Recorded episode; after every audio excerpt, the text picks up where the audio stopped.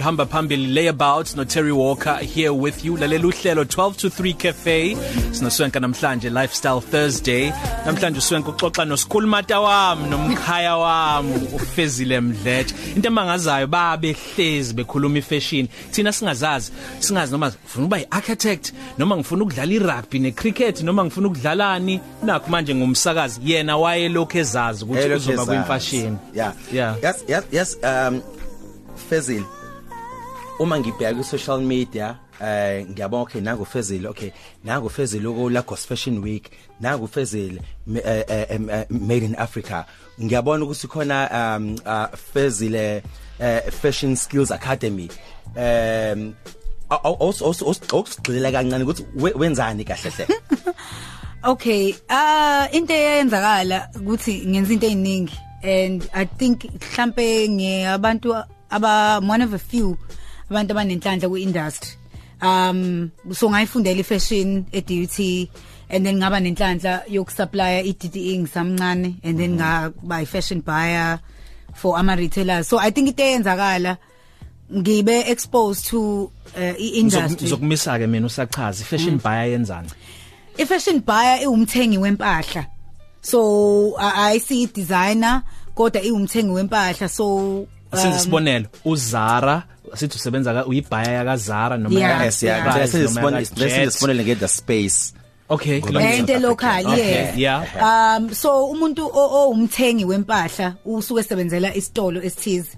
So lo muntu usuke understand ukuthi i customer la lo ndawo lithanda ukugqokana. Eh kufanele understand ukuthi yini esemgangathweni imbala isilhouette indwangu. Usayidinga ulwazi la ka fashion kakhulu because ilona oli mina mangifika ngizothenga lezi zinto ezikhona zifakwe yini amabhaya amabhayi kodwa kumehluka ukuthi eh i think uhlukile kwase space nezitolo zaphesheya. Uyuhamba uyephesheya uma uyi- uma u- uma umthengi wempahla uyobuka ukuthi ah lento oyicabangayo ukuthi izoqonga abaphesheya baphambili ngesizini kodwa sigqoka into ezifanayo Oh, just ngiyabona. ukuconfirm ukuthi okay lezi zinto ziyafana bese uyayibuya nazo uyayithenga.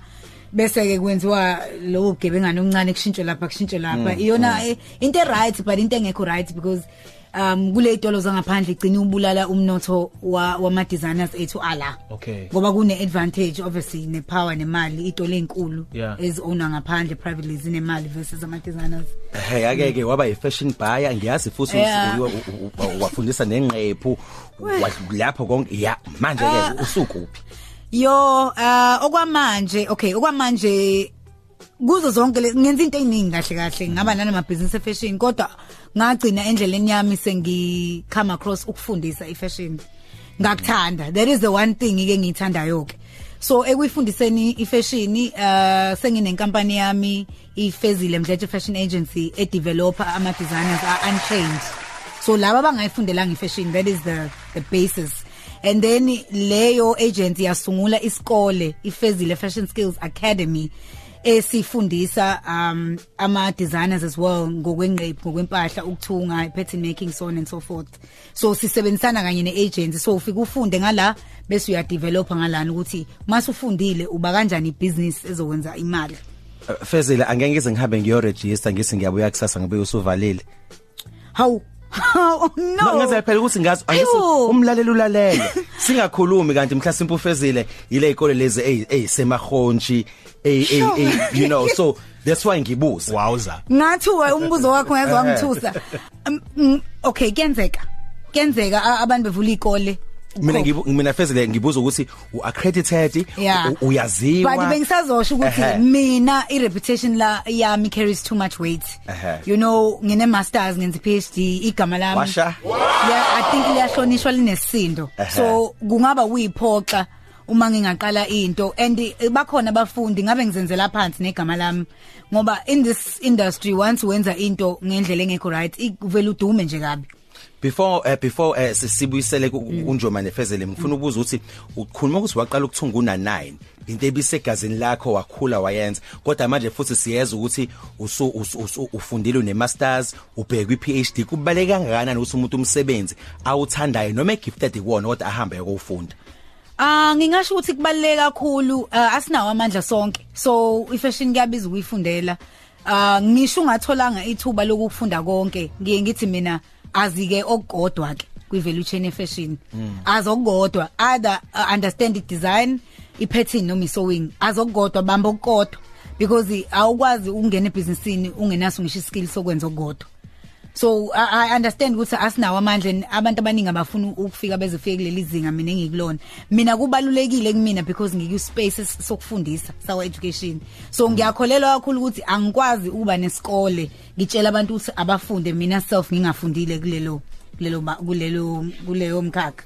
Hayi siyabuya. Hambi buyobheka lapha ku Instagram fezile_mdletshe @fezile_mdletshe uzobona ukuthi impilo yakhe nje imfashion ngisho noma engasazami kuyazenzakalela nje injalo ke impangeni bakwethu When it comes to loving, I'm a pro, no beginner. Cause I got my pleasers, senza ama shifts. Makamera ngishuthi. Okay malum cool cat mlazi Milano ama camera ngishoot the combos are communicating 12 to 3 cafe usiyamhlongo usel beyond usiyafika eLA awusend ivoice note phela ushutha maf okuthile nje okwenzakalayo ebhanoyini khona iWi-Fi. Just nje nathi usizwisa ukuthi kwenzakalani. Hey swenk ingane zabantu eh? Lalela sisazolithwala idombolo la self usiyefeshe sisazolithwala. Lalela umbuso Tembe fezile ngazi noma uyamkhumbula yini ukalakatha. Yamkhumbula ukalakatha? Awukhumbula ukalakatha ehigh school. owayegqokisa komuntu omdala nje efaka impahla ezazikhombisa ukuthi yo ezala ezale genge le esikhulile. Kodwa sisafunda nawo. Samkhumbula ukalakatha umngani woShweps nomlu. Ngikhumbula Shreps nomlu. Sasifunda kwi grade eyodwa. Ubhalile ke umyalezo la unkalakatha uthi siyambongela siyawufezile. Eh, ungowasengolezane uthi ngeke ngawubona umsebenzi wakhe nasesikoleni. Wayesithungela masidabukelwa amashirt. Noma kuphuma inkinopho. Hayi. Hayi fezile usuka kude eh? angisakufunda nokukhumbula but it's true.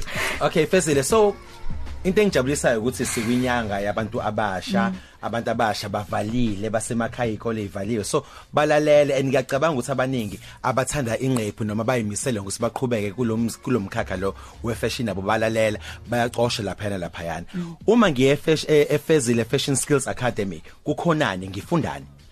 Okay, eFezile Fashion Skills Academy kufundwa ngefashion. So ngeclothing which is the e, e basis of fashion, fashion being the umbrella. Um isikole si accredited through FPNM SETA kanye noSAQA. So asizukuvalwa.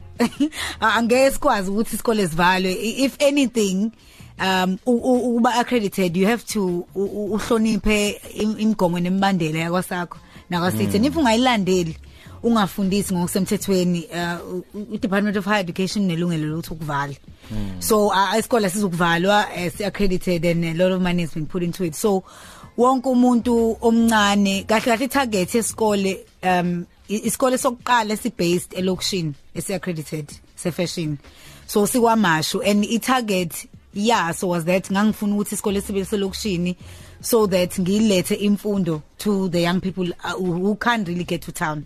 Because ingane umuntu omnyama u20 rand izo prioritize ukuthenga isinko kunokuthi gibeli ye town. So i mandate yami was to bring isikole to the heart of abantu. So kufundwa ngefashion uh khona i-design khona i-pattern making khona i-sewing khona i-design aesthetic i-applied design kufunda nangendwangu kufunda nange-cutting nange-grading. Um isikole sinama qualification qualifications awu 6 ngizokhuluma Ah, ngo national, aesthetic international, ngiyaxolisa ukuphazamisa. recognized, yes. ngeke ngibone kulezi kula- kulezi inhlolo khona zemfashion nawo sukwaba ingxenye yazo. Kukhulunywa ngalamagama kuthiwa izeitgeist yakho angiyiboni kahle. Nje senikhuluma ngani? Manikhuluma ngo zeitgeist no aesthetic kwimfashion Well, i- i zeitgeist it's like um it's like a common forum that sort of indicates ukuthi yini enzakalayo what is the influence kwenzakalani. Oh. so it's it's it's like a trend ukuthi what is happening globally. Ehhe. so uma ngabe sikhuluma ngeaesthetic igama lakho ngilazi ngezulu suke sikhuluma ngento e e e- e- e- e singular ey thread esikwazi ukurecognize ngayo kwa fashion ukuthi njengoba ubona uladumo uladumo yamazi uzombona ngeprint. Oh. uma ubona uRich Mnisi uyazi. Uma ubona uZat uyazi. Uma ubona uDavid Kale uh, just to name a few. Or Catherine Keja uyazi. Uma ubona oJuke uyazi ukuthi okay this would- is very juke this is very this. So it's an aesthetic it's it's that Into yakho singular. ohluka ngayo. eh i- into yakho enga engasi common denominator oku- okusikwazi uku Ukukunombola ngayo ukuthi yes that is so and so mhlasimbe omunye umuntu ang- ang- ang- ang- ang- angathi i- signature leyo design Yes, i-handwriting. yeah handwriting handwriting. yeah okay um ngifuna ngifuna ukulinka lezi ezi- ezi- eziwu2 ukuthi intsha ngo1976 was very expressive ukuthi babe ba- ba- azange bathule bahamba bakhuluma ngezinto abayifunayo nabangayifuni uma uthi uyabheka intsha namhlanje nayo futhi iexpressive maybe ngenxa ukuthi ikhatha ayisafani. Mhlawumbe ngenza ukuthi inge ba- ba ba- express ngabakhono abo indlela abaqoka ngayo nani nani nani nani fezile kubaleke kangakanani ukuthi umuntu a understand ukuthi indlela agqoke ngayo noma abukeka ngayo iyamkhulumela engakasho lutho? Uh well since ekudala like ekudala ifashion thina sirigada it's a form of communication. Mm. It's about self expression nezinto ezenzakala ngakuwe express personality. So the way you go ngakhona usuku uzama ukusitshela ukuthi today this is how I feel. Indlela engizizwa ngayo yes, namhlanje. ngi- ngizizwa ngalendlela namhlanje o empilweni yami kwenzakala ngaloko o ngilolu hlobo lomuntu Eh, uyalibona inuku ngisho uqhamuka ukuthi aliwashanga nje umuntu uya- uyayibonela so kubalekile ukuthi ugqoke the way you want ukuthi abantu bagreceive ngakhona it's very important angani mangikuphendule no kahle. No uyang- uyang- uyang- uyang- uyangiphendula kahle. Ngifuna ukuthi ngiphinde futhi nginezezele lapho ukuthi njoba sike sasho siyazi ukuthi more especially kwi creative field sinaba designers amaningi athi a self taught angasiboni isidingo sokuya esikoleni. Sinama artists amaningi athi hayi eh yena um- abanye bazophuma nasesikoleni befuna ukuyocula nani nani nani nani nani nani. And um ngaphandle kokugxeka lokho noma kwenza kanjalo kodwa futhi kuzobe sengasubuze ngobuze eqaleni ukuthi phezulu kwethalente lakho ke Yeah, nokwazi ucula kwakho nokwazi ukurapper kwakho nokuthunga kwakho. Fezile into yokuthi uhambe uyotrainwa professionally noma ufunde leyo nto leyo osuku nethalente kuyona. Ngicela ukuthi ugcizelele lapho. Ah kubaluleke kakhulu and mhlambe ngingacabanga back to summit ebengiye kuyona ngimenye kuyona eGoli um some months back. Kwakhuluma khona uPalisa Makubongo wemanje uzoba uyena umuntu oqala uzoba seyitole eJNM naye waze washo wathi nanaye waye e- e- e- untrained e self taught and after some time wahamba wahamba wafila ngathi usefike egcineni so and then kwafanele ukuthi aqale phansi ayofunda. So kunjalo ke nokuba untrained ukuba self taught ukuthi uhamba uhamba uhamba uhamba uhambe. Abantu abaningi uyubona usubona into engathi repetition sekuphinda phindana baloku benza into eyodwa usubona lokho eshintsha indwangu leshintsha into. So you end up ungakwazi understand ukuthi in fashion how do i then uh, reinvent myself and be innovative? And some of those things unfortunately fanele uze uyihlalela phansi edeskini. We understand understand aesthetic we funde understand ukuthi how do i make something relevant by taking a historic reference ngiyenze into yamanje how do i translate into eyiconcept ngingayenzi ibe literal? Just because kuthiwa itheme is blood so you fanele ugqoke red ngobani? So lezo zinto ufanele uyihlalele um e- e- em, phansi edeskini ufunde ngoba uzohamba uhamba uhambe ungazi how to reinvent. Kwezi kuyafana no to ufunda incwadi reading a book. Kubalekile to read a book because ikuvula umqondo. So awukwazi nje ukuphila emhlabeni nje wena you don't read awufundi iphepha awufundi magazini awufundi lutho nje uyaphila nje udla ukudla. So you must grow ingqondo fanele ikhule it's important. Uyaphila nje ukudla you know. Ay, mina mina siya ah, ng- ngiyajabula ngifuna ukubuyisela kuwena. I think into engijabulisa kakhulu ukuthi eh i think namhlanje segment yesivezile ukuthi imfashion ayikho nje ngengqephu nokuswenka nokubukeka kahle kuphela. Kodwa ikhona into eserious nento ejulile kancane nge- nge- ejulile kakhulu ngengqephu. Kunjalo nami ngicoshe nje okuningi siyabonga kakhulu Fezile siyabonga sonke usilethela abantu bangakithi abachithekile kwezemfashini. Kangaka sinikeza imininingwane yakho eacademy yakho mawukhona ufuna ukuregister noma ufuna ukuthi nje a- akubone azikabanzi ngawe nokwenzayo. Okay, ah isikole sikwamashu kwaPhi uh opposite polyclinic endala. Abanye bathi kwa Dr Mula singemumva lapho kulo complex.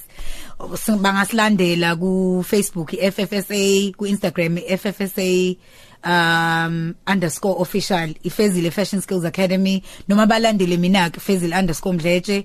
Uh sinama part time classes njengamanje uh enzeka ngomgqibelo. So iclass lesibili elilandelayo liqala nge6 July so abantu bengafona inumber 031 100 0141 um bengathola futhi if nje beya ku Facebook na ku Instagram bazothola ngisho iwebsite yakhona. And then uma ngabe sesinama learnerships as well um in the second semester sizwa advertise kubalekile ukuthi abantu bazi because asiyafisa ukuthi abantu bathole imfundo yamahala lapho ke sithagethe iyouth ehlele emakhaya engasebenzi but sizwa advertise mangabe sesinawo Siyabonga kakhulu Fezile. Yazi babethi wayethini uh, uma sikopela sithi sifuna ukukopela ihomework kwiclass le register kuseni. No ways Aubrey, no ways Aubrey. 12 to 3 noSiyano Selbionze ku Cozi FM